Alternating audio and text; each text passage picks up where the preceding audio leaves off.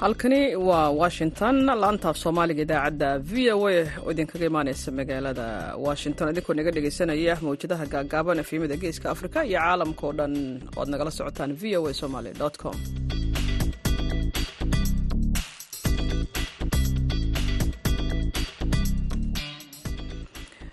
Duhur wanaagsan ah dhegeystayaal dhammaantiinba waa maalin axad ah bisha janaayo ee sanadka kana waa toddoba afrikada bari saacaddu waxay tilmaamaysaa kowda iyo barka duhurnimo. Magaalada washingtonna waa shanta iyo barka aroornimo idaacadda duhurnimona waxaa idinla socodsiinaya anigoo ah caashe ibraahim aadan.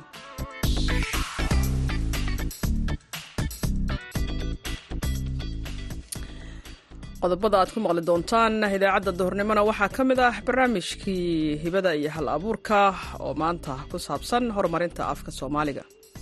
Akademiya goboleedka af soomaaliga oo aad sidaad u tilmaantay aga loo soo gaabiyo halkudhegeeda ayaa ah u hiili afkaaga hooyo iyo hal abuurkiisa. Af soomaaligu haddaba haddii bulsho intaa tiro leeg waxaanu ku hadasho waxaanu ku qiyaasnaa ilaa shan iyo labaatan milyan oo qof cayaarihii ayaad sidoo kale maqli doontaan. Marka horese waxaad ku soo dhowaataan warka caalamka.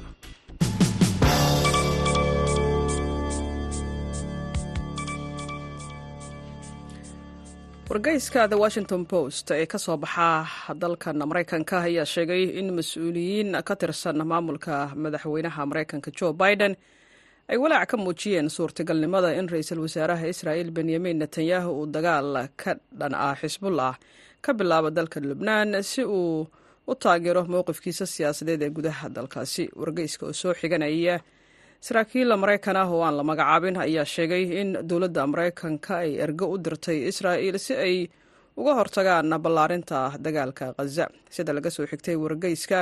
Waxaa jira xiisad u dhexaysa maraykanka iyo israa'il sababo la xiriira wararka sheegaya in ciidamada israa'il ay qaadeen ugu yaraan afar iyo soddon weerar oo ay ku qaadeen goobo ay leeyihiin ciidamada xisbullah sarkaal ka tirsan israa'il ayaa wargeyska u sheegay in dalkiisa uusan si ulakac ah u bartilmaameedsanin xarumaha ciidamada xisbullah ciidamada israa'il iyo ururka xisbullah ayaa duqaymo goos-goos ah isku weydaarsaday xadka lubnaan tan iyo markii uu bilowday dagaalka khaza bishii oktoobar ee la soo dhaafay dab ayaa qabsaday xero ciriiri ah oo ay ku nool yihiin qaxootiga rohingya ee ku taala magaalada xeebta koonfureed ee bangaladesh la yidhaahdo cox bazaar kaas oo baabi'iyey in ka badan kun hoy ah.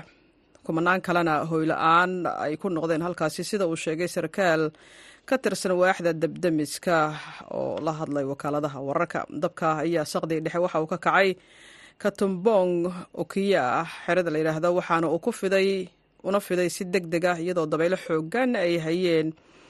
Dhulkaasi sida uu wakaalada wararka ee associated press u sheegay shafiiqullah islam oo madax ka ah xarunta dabdemiska ee layidhaahdo ukhiya. Ma jiro wax khasaare ah oo ka dhashay dabkaasi ayuu intaasi ku daray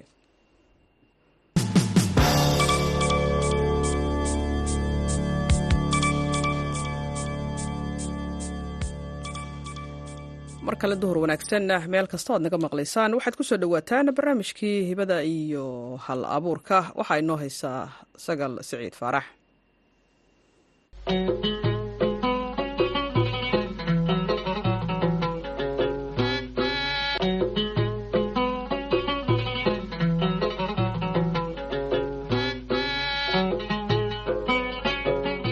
kulanti wacan oo wanaagsan dhegaystayaal dhammaantiinba meel walba ood naga dhegaysanaysaan ku soo dhowaada waa mar kale iyo barnaamijkeeni hibada iyo hal abuurka oo maalin walba waxaad aad ku dhagaysataan barnaamijka dhallinyarada maanta. Waxaana barnaamijka inta uu socdo idiin daadihin doonta anigoo ah sagal saciid faarax toddobaadkan barnaamijkeena hibada iyo hal abuurka waxaynu kaga hadlaynaa afka hooyo ee af soomaaliga iyo uhiilintiisa waxaana barnaamijkaygala qaybgelaya abwaan siciid saalax axmed oo ka mid a aqoon-yahanada soomaalida islamarkaana madax ka ah akaademiyad goboleedka af soomaaliga ee aaga. Waxa uuna sharaxayaa af soomaaliga hadda halka uu marayo iyadoo horey loo oran jiray in afka soomaaliga laga yaabo inuu ka mid yahay luuqadaha sii dhimanaya.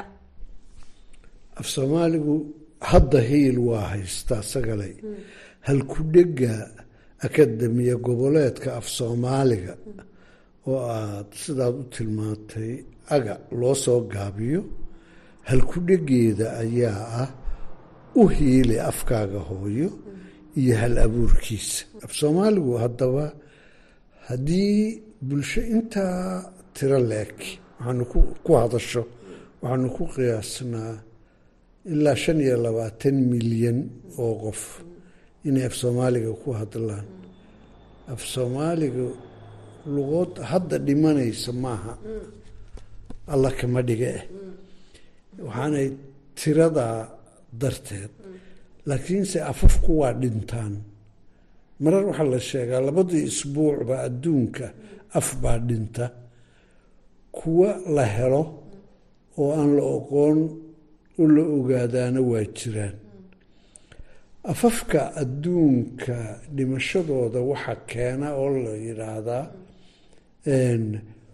waa marka hal qof uu ku hadlo oo keliyi ama halkaa qofna dhinto weliba intaanu dhiman qof qudh ahi ciduu kula hadlo ma helo. Marka waa afkii oo dhintay hadduuba mid keliya yahay oo aanu cidna la wadaagayn oo way dhacdaa in adduunka ay sidaas laakiin intaanu afku dhiman wuxuu soo maraa heerar calaamada lagu arko. Af soomaaliga iyo kuwa kale oo iyagoo dhaqan oo dadkudu joogo lagaga naxday naxay oo ama laga yamxeeriyey wax la yidhaahdo waxay ahayd calaamado lagu arkay.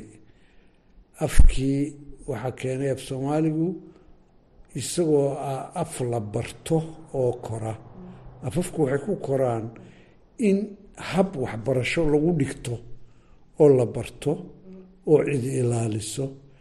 Marka markii dagaalada sokeeye dhaceen oo habkii waxbarashada ee af soomaaligu uu burburay markii dadkii kala baahay markii luqooyin badani soo dhex galeen markii uu yeeshay dhaliilo ku soo kordhaya oo uu afka tusaya in uu leexdo. Ayaa lagu tilmaamay ifafaalihii ugu horreeyey ee afafka ku dhici jiray marka ay ay bilaabanayo broseska dhibaatada afafka ku dhacda. Marka sidaasoo loo tilmaamo maaha eh af dhimasho u dhow ma aha ma jiro. Dadka qaar xitaa waxay yidhaahdaan qolooyin mashaariic ku sameynaya oo ku dhow ayaa afafka sida af soomaaliga iyo afaf iska dhaqan ka dhiga inay dhimanayaan. Marka dad badan markii la yidhahdo af soomaaligii buu dhimanayaa waxay u moodaan in afkii af ahaan uu dhimanayo. Laakiin hadda aad usaa sharaxaysid afku wuxuu dhintaa ama la waayaa markii ay dadkii isticmaalaya yidhahdaan marka soomaalida haddaan intaa tiro leegnahay inta gabar naga hartay afkeena waa iska jiraya sooma ha waa waa waa jiraya laakiinse khatarta kale waxaa weeye in laga guuro oo isagu sidii loogu hadli afafku way isbedelaan taasuna waa caadi. Inuu af suuqyada qura maaha ee habkii loo waxaa laga yaabaa af soomaaliga inaynu maanta ku hadlayno in dhowr kunoo sano uu sida tan ka duwanaa waayo afku wuu jiray in aan ka yarayn shan kunoo sano. Inta la ogyahay taariikhda afka waa af da-weyn kana sii badan ee waa inta la hubo oo raadkeeda laga helayo in uu saddex kun iyo shan boqol saddex kun dhalashadii nebi ciise ka hor cidi ku hadlaysay oo geyigan ay soomaalidu hadda deganta oo lagaga hadlayo waagaana lagaga hadli jiray. Intaaba ma dabargo-in mana dhiman. Hadda oo uu qormay dadkuna sii tarmayaan. Waxna barteen. Oo haddii barashadaa lagu sii wado oo la barto isaga hadduu maamulka galo haddii laga shaqeeyo ma dhimanayo laakiin hadduu debicsanaado oo afafka kale laga doorbido oo ay ka xoog bataan waxa la yidhaahdo afafku waa ismuquuniyaan. Waxa aynu af carabi badan afkeena ku soo daray sababo ama falcurisyo waxa la yidhaahdo factories ayaa jiray saameeyey oo keenay oo sababay in af carabigu uu ku soo bato oo uu muquuniyo isaguba qaar buu muquuniyaa af soomaaligu. Uu ka awood badan yahay oo aynu derisnahay afaf aynu derisnahay oo dadka af soomaaliga barta oo u baahan oo deriskeenna ahi ay ka badan yihiin qofaf af soomaaliyii inay afka oromada bartaan. Laakiin marka aanu shan iyo labaatanka milyan sheeganayno oo aanu dadkayga afaf ka shaqeeya ku sheegano shanta milyan dad bartay oo aan soomaali u dhalan baanu ka soo qaadnaa una badan ummadda oromada. Marka af soomaaligu saasuu weli u sii jiraya dhinaca muquunintoo kale hadda waxaa soo baxay social mediahii barahan bulshada dhalinyaradu afyaabo iyagu ay iska keensadeen bay ku hadlaan. Xataa fartii waxaad arkaysaa si yar loo gaagaabiyo oo marka taasoo kale dadka see see dhabi karaa dhinacaas muquuninta aan la fahmayn muquuninta afafku waa wax ku xidhan. Marka ugu horeysa waxay ku timaadaa wax loo adeegsado oo lagu doorbiday afkaaga afka kaloo daboolaya oo aada ereyadiisa u soo ergisanayso oo aada habkiisa soo dhexgelinayso. Waxyaabaha keena waxaa ka mida dhaqaalaha. Haddii afka dadkeenoo dhami matalan afafka iskuulka lagu dhigto oo lagu shaqeeyo sida dhalinyarada ama bulshada soomaaliyeed ee debedaha joogtaa ayay door bidaan. Yacni kaasaa shaqadii ku jirtaa kaasaa wax lagu helayaa kaasaa meel lagu gaadhayaa markaad rumayso isagiibaad dooranaysaa isagiibaa awdaya waxaa ka mid ahaa nabdiga ama dareenka diineed. Matalan waa tusaalaha dhabta aynu u sheegan karo maxaa af ereyo badan oo carabi ahi af soomaaliga u soo galeen? Laba jeer buu af oo carabi ahi u soo galeen af soomaaliga oo uu af soomaaligu u amaahday mar walba ma amaahan jirin baynu oran karaa markii afafka carabida iyo soomaaligu ee laba xoololey ahaayeen isdhinac deganaayeen horumarkoodu isleekaa ay isku itaal ahaayeen labaduba waa kala amaahan jireen. Cidina ma diideyso in carabida hore ereyo badan oo af soomaali ka soo askunmay oo ka soo bilaabmay ay ku jiraan oo aan la garan luqada qadiimiga ah reer miyiga carabtu ay ku hadlaan iyo soomaaligu inay isgalaan. Laakiinse markii diinta islaamku ay carabi ku soo degtay waxaa dhacday inuu qofku rumaystay oo ay tahay haddii aanu carabi ku cibaadaysan oo diintaasi aanu ku adeegin afkii ay diintu ku timi cibaadadiisa inaanay u ansaxayn marka markaas koowaad ayaa yimi. Danta ugu weyn ee af carabidu ay ku muquunisay af soomaaliga oo waa tan diinta. Waxaa ku xigtay xoogga quwadda dhaqaale afkii batroolkuu noqday.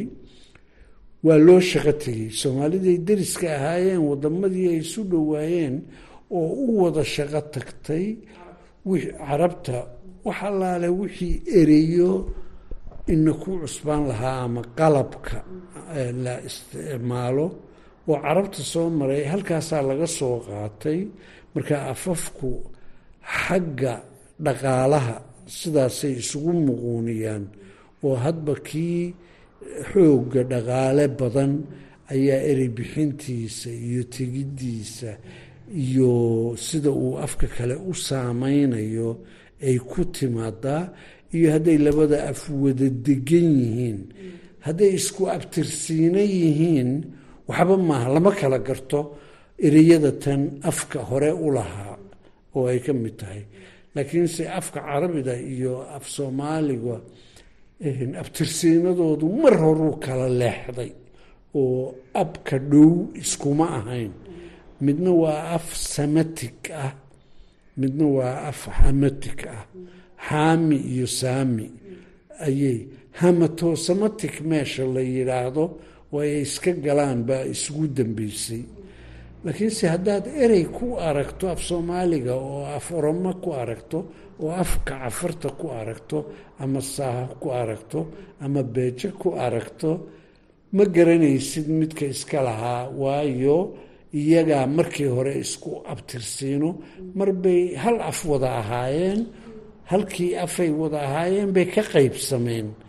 Marka ereyada ku jira af oromada aynu maqalaa oo af soomaaligana ku jira waa ereya original ah oo af soomaaliya hore af kushatigii hore weliba kushatiga bari oo lagu hadli jiray ayaa afafka aan tirinayoo dhammi ka dhexayaan oo iyagu isku muquunin kama iman laakiin markan dambey kala qaybsameen iyaguna waa ismuquuniyaan oo tan tirada badan tan dhaqaalaheeda loo badan yahay oo dadka haddii af soomaaliga ka hadla cidi u soo shaqo tagto oo ay doonto dadkaasoo af soomaaliga ku khasbaysaa inay bartaan oo ay noqdaan.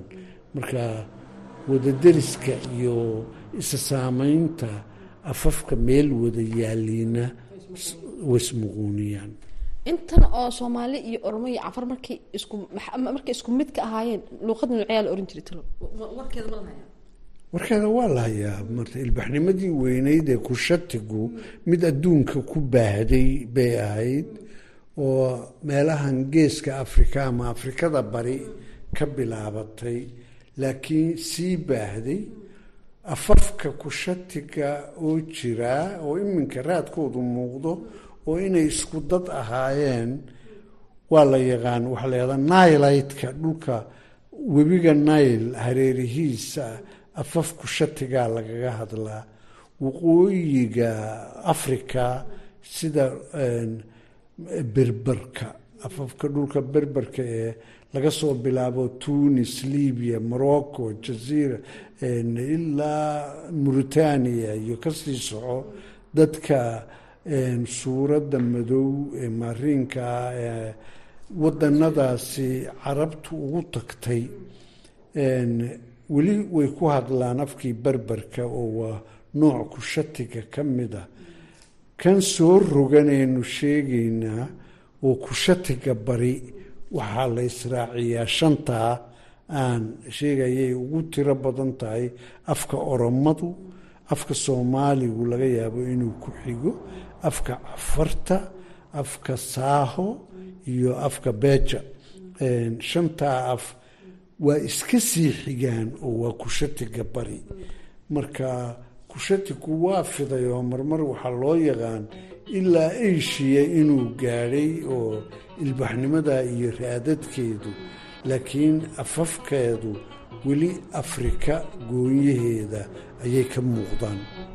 Guud ahaan waa naga intaa dhegaystayaal barnaamijkeeni hibada iyo halabuurka toddobaadkan waxaa barnaamijka iigu marti ahaa oo igala qaybgalayay abwaan siciid saalax oo ka mid ah aqoon-yahanada soomaalida islamarkaana ku jira madaxda akaademiyad goboleedka aaga.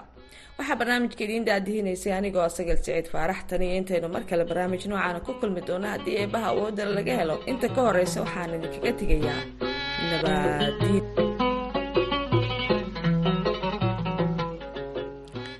sagal siciid faarax way mahadsan tahay. Qaadka waxa uu ka mid yahay maandooriyaasha dhibaatada badan ku haya bulshada soomaalida magaalada jigjigaha waxaa xalay lagu soo bandhigay buug ka sheekeynaya qaadka iyo dhibaatooyinka caafimaad ee uu bulshada iyo shakhsiyaadkaba u leeyahay. Qoraaga buuggan oo lagu magacaabo axmed nuur maxamed oo sheegay in buuggan uu qoray kadib daraasad uu sameeyey ayaa waxa uu la hadlay wariyaha v o eda magaalada jigjiga maxamed cabdiraxmaan ugaas gaata balaayada caleenta cagaaran ee jaadka la yidhaahdo ee aafaadka ay leedahay buu ku saabsan yahay oo si qoto dheer iyo dabagalba ah aan uga qoray wax. Waa tahay doctor. Maxaad ku dooratay in aad qaadato ama aad ku xulatay magacan miryaqaan qaadku sidiisa mamajaadku siday soomaalida u taqaano waxa weeyaan waa aafo habeenkii o dhan lagu soo jeedo. Maalintiina waxa weeyaan waxay leedahay raacitaan laysu raacanayo. Xoolihii xalay la gubay inta badan dadku waxay jeebka ku hayeen way dhammaystaan. Kadibna meeshaas qaan bay kala tagaano maalintiiba haddana qaan loo qaataa taas waa waxaan u doortay inuu yahay wax habeenkiina oo dhan reerka lagaga maqan yahay oo la miranayo sida geela. Maalintiina daalac laysu raacanayo hase yeeshee. Kelimada sideed waa kelimad oromo ah weeyaan mirqaana baa la dhahaa. Waxayna ka soo jeedaa sakhraan bay u dhigantaa af carabiga. Waata doctor dabcan waxaa tiri buuggan mir iyo qaan. Waxaad u qaatay kadib markaad aragtay caqabadaha iyo dhibaatooyinka jaadka uu bulshada ku hayo deegaanka. Muddo intee leeg ayay kugu qaadatay qorista buuggan inaad markaasi dhammaystirto buuggan horta koleyna sababaa jiray igu kalifa inaan aan dabagalo. Sababahaas baa hormood ama ka noqday igu kalifa inaan dabagal ku sameeyo waxayna ahayd labadii kun iyo shan iyo tobankii muddaha hadda sideed sano laga joogo. Laakiin sideed sano sannadkii ugu dambeeyey oo dhammaaday buu dhammaaday isaguna. Marka toddoba sano iyo waxoogaa ayuu igu qaatay buuggaas inaan qoro oon meelo u safro oon bugaag u iibsado oon wada badan ingiriiska maxay maktabadiisa weyn ee british national library la yidhaahdo iyo maraykanka jaamacadaha wixii af ingiriis iyo carabi buug yiile oo jaad ku saabsanaa iyo bugaagta ay yemantu qortay iyo soomaalidu kuway qoreen intaba iyo kuwa etoobiya laga qoray iyo kuwa kenya laga qoray intaba oo ingiriis ku qoran kuwaas kuwa yeman mooyeen iyo kuwa soomaalida af soomaali ku qoran intaaba waxay ahayd dabagal aan sameeyey iyo dadaal aan maxay ahayday meelo badan aan u tegay toddobadaas sano waxaan dabcan waxaad sheegtay inaad daraasado fara badan aad samaysay meelo badan aad u tagtay si aad markaa u ogaato waxyaabaha laga qoray qaadka. Dabcan daraasadahaas maxaa ka soo baxay? Daraasadaha xogta dhabta ah waay buwaagta marka la qoro gaar ahaan dad schoolara oo aqoon-yahan ay qoraan inkastoonan isku tirinaynin waxaa waxaa ka soo baxa natiijo wax la yidhaahdo iyo gunaanad. Marka gunaanadkaasu natiijo iyo wuxuu leeyahay iyo nuxurkii dadka aad u sheegaysa oo ah waxa weeyaan tala bixin iyo tala soo jeedin. Waxa weeye iyo sidii dhibaatada markaa taagan lagaga gudbi lahaa marka natiijooyinkii aan ku arkay xagga diimeed dunyada ay u qaybsan yihiin buuggana ku qoran yihiin. Isagoon ahayn cutub mawduuca gaarka gunaanadka buuggiihi cutubyadoo dhan buu ka dheeryahay mid kale talebixinta iyo iyo waxa weeyaan iyada nafteeda dhowr iyo labaatan baal baan ku soo gabagabeeyey soddon qodob oo talooyinna waan soo jeediyey. Ay ka mid tahay in hay'ad la sameeyo. Sidii looga hortegi lahaa dadkana shaqo abuur iyo naadiye iyo meelo kala duwan u samayn lahaa iyada iyo dowladduna isu kaashan lahaayeen adigoo mahadsan ma jiraan wax bugaag kale oo aad soo wado dhowaan? Bugaag kale way jiraan hadda labaan gacanta ku hayaa mid carruurta qurbaha joogta baan rabaa af soomaaliga inaan ugu dejiyo si af soomaaliga u bartaan. Far iyo af baan u bixiyey kaas. Magacyada ka koobanna waa bugaagteyda waxyaabaha lagu garan ogyahay bay ka mid tahay doorasho iyo gaarahoo mir iyo qaan iyo tix iyo tiraab iyo far iyo af iyo iyo buug kaloo isaguna la yidhahda qaxa iyo milan. Soomaalida way qaxday wayna ku milmeen waddamadii tageen soo jireenna way ahayd arrintaasu taariikh fog bay leedahay waxayna waxaad dabada ku yar haysaa maamaadoodii ahayd. Haddaad meel il laga layahay tagto. Ishaa layska ridaa oo iskaga darmadaan dadka meeshaa jooga. Marka buuggaasuna waa buugaan raba ummadda qurbaha tagtay. Inayna ku milmin ummadahaas kale oon uga digo.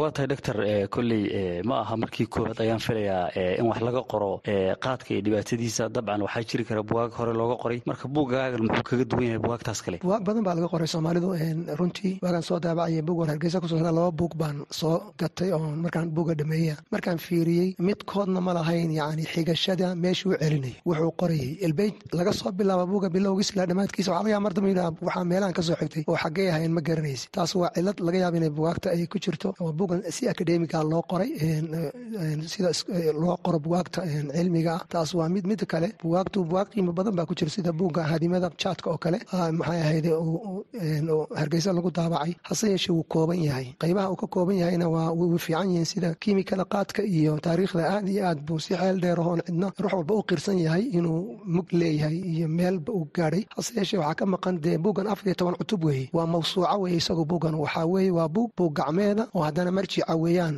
oo yani waxaa cuduradii iyo waxyaabihii la rabay in jaadka laga hadlo oo dhan aan is leeyahay intii tabartayda waan dadaalay waxa weeyaan markii dadka arka ayaa garanaya afar iyo tobanka tubuc. Waxay kala daaran yihiin iyo saa darteed buu yuu ka mugwan yahay. Buwaagtii kale hoos ahaanna kuwa badan buu ka xeel dheer yahay baadhitaan ahaanna.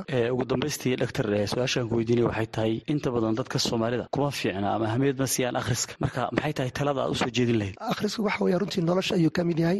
Waxa weeyaan inuu ruuxu wax barto kulamaad wax markaasood wax akhrisato cilmigaaga ayaa kordhaya biniaadanka ixtiraam inay ku ixtiraamaan baa kordhaysa. Inaad adduunya ku heshana waaba laga yaabaaba waxaasoo dhan baa suuragala. Markuu akhriska bilaabo uu akhriya dad baa ku dayanaya. Dadkii in wax gato uu bugaagta iibsado ayay haddana raacaysaa. Ummaddii marka inay jahligii ka baxaan jahligan ah ee oral society waxa ingiriiska loo yaqaano dad un hadal ku nool ah oo hadal dhegaysta ah in laga gudbo oo ruuxu wuxuu isagu taabtay uu arkay uu aqriyey oo u gudbo uu meeshii buug uu ku arka soomaaliya oo ruux soomaali wax qoran uu markaa ku dhiirado inuu ka iibsado kadibna aqoontiisii kordhiyo ubadkiisii u kordhiyo wax cusub uu barto wax cusubna berita uu qoro isaguna saasay ayaa laga faa'iidaya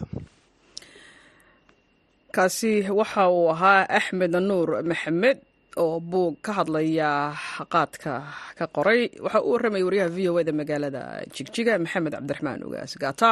Halkule aad nagala socotaana waa laanta afka soomaaliga ee v o a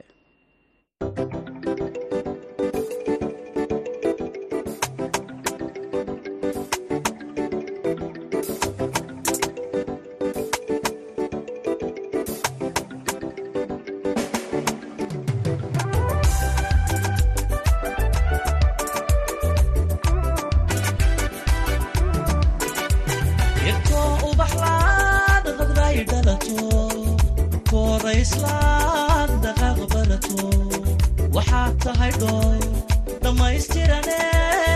Waxaad tahay dhool dhammaystirane. Irto ubaxlaan qadray dhalato. Dhulkoora islaag dhaqaaq barato waxaad tahay dhool dhammaystirane. Waxaad tahay dhool dhammaystirane.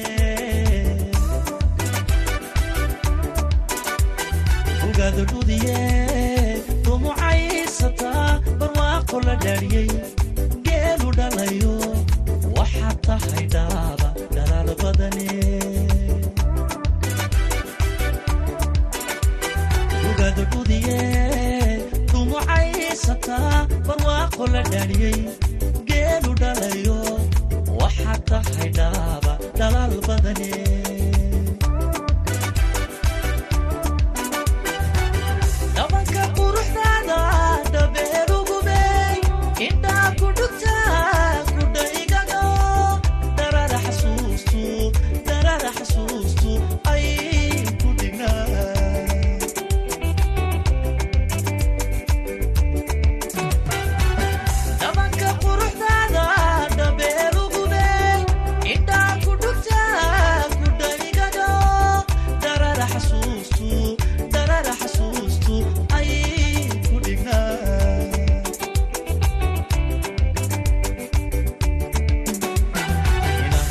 aasaa ma dhabar jabaye hadwahinu dhigaa aroos dhaqano jacaylka dhintaysan jacaylka dhintaysan jacaylka dhintaysan nacaan dhurana inahadu dhaxdaa ma dhabar jabaye hadwahinu dhignaa codka fanaanka cawaale aadan ayaan ku soo gabagabaynaynaa idaacaddeenii duhurnimo ee laanta afka soomaaliga v o a oo si toosa idinkaga imaanaysa magaalada washington. Dhinaca farsamada waxaa joogay maxamed cabdi xasan sandheer intaan mar kale kulmayno waa caashe ibraahin aadan oo idin leh nabadgelyo